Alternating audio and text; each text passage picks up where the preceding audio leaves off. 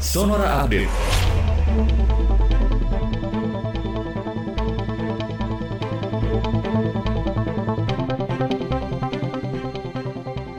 Sahabat Sonora, Presiden Jokowi meminta pusat-pusat perbelanjaan menempatkan produk UMKM di etalase terdepan.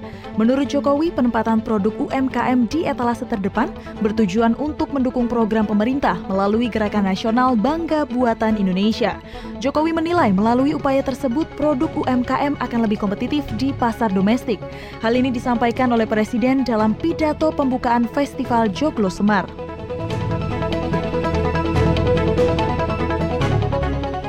Komisi Perlindungan Anak Indonesia atau KPAI menilai sanksi dropout kepada MS, siswa SMA di Kabupaten Bengkulu Tengah Bengkulu yang diduga menghina Palestina di media sosial tidak mendidik. Komisioner KPAI Bidang Pendidikan Retno Listiarti mengatakan, seharusnya tindakan MS tidak diberikan sanksi berupa dikeluarkan dari sekolah. Terlebih MS sudah meminta maaf dan mengakui kesalahannya. Seharusnya sekolah memberikan MS kesempatan untuk memperbaiki diri.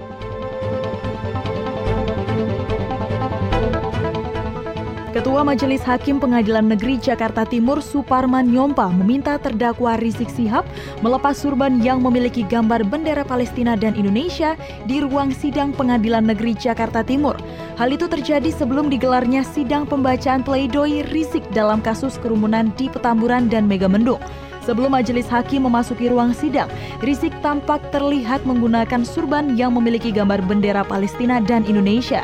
Namun Rizik langsung disuruh melepas surban tersebut saat majelis hakim memasuki ruang sidang guna menjaga marwah persidangan. Demikian Sonora Update.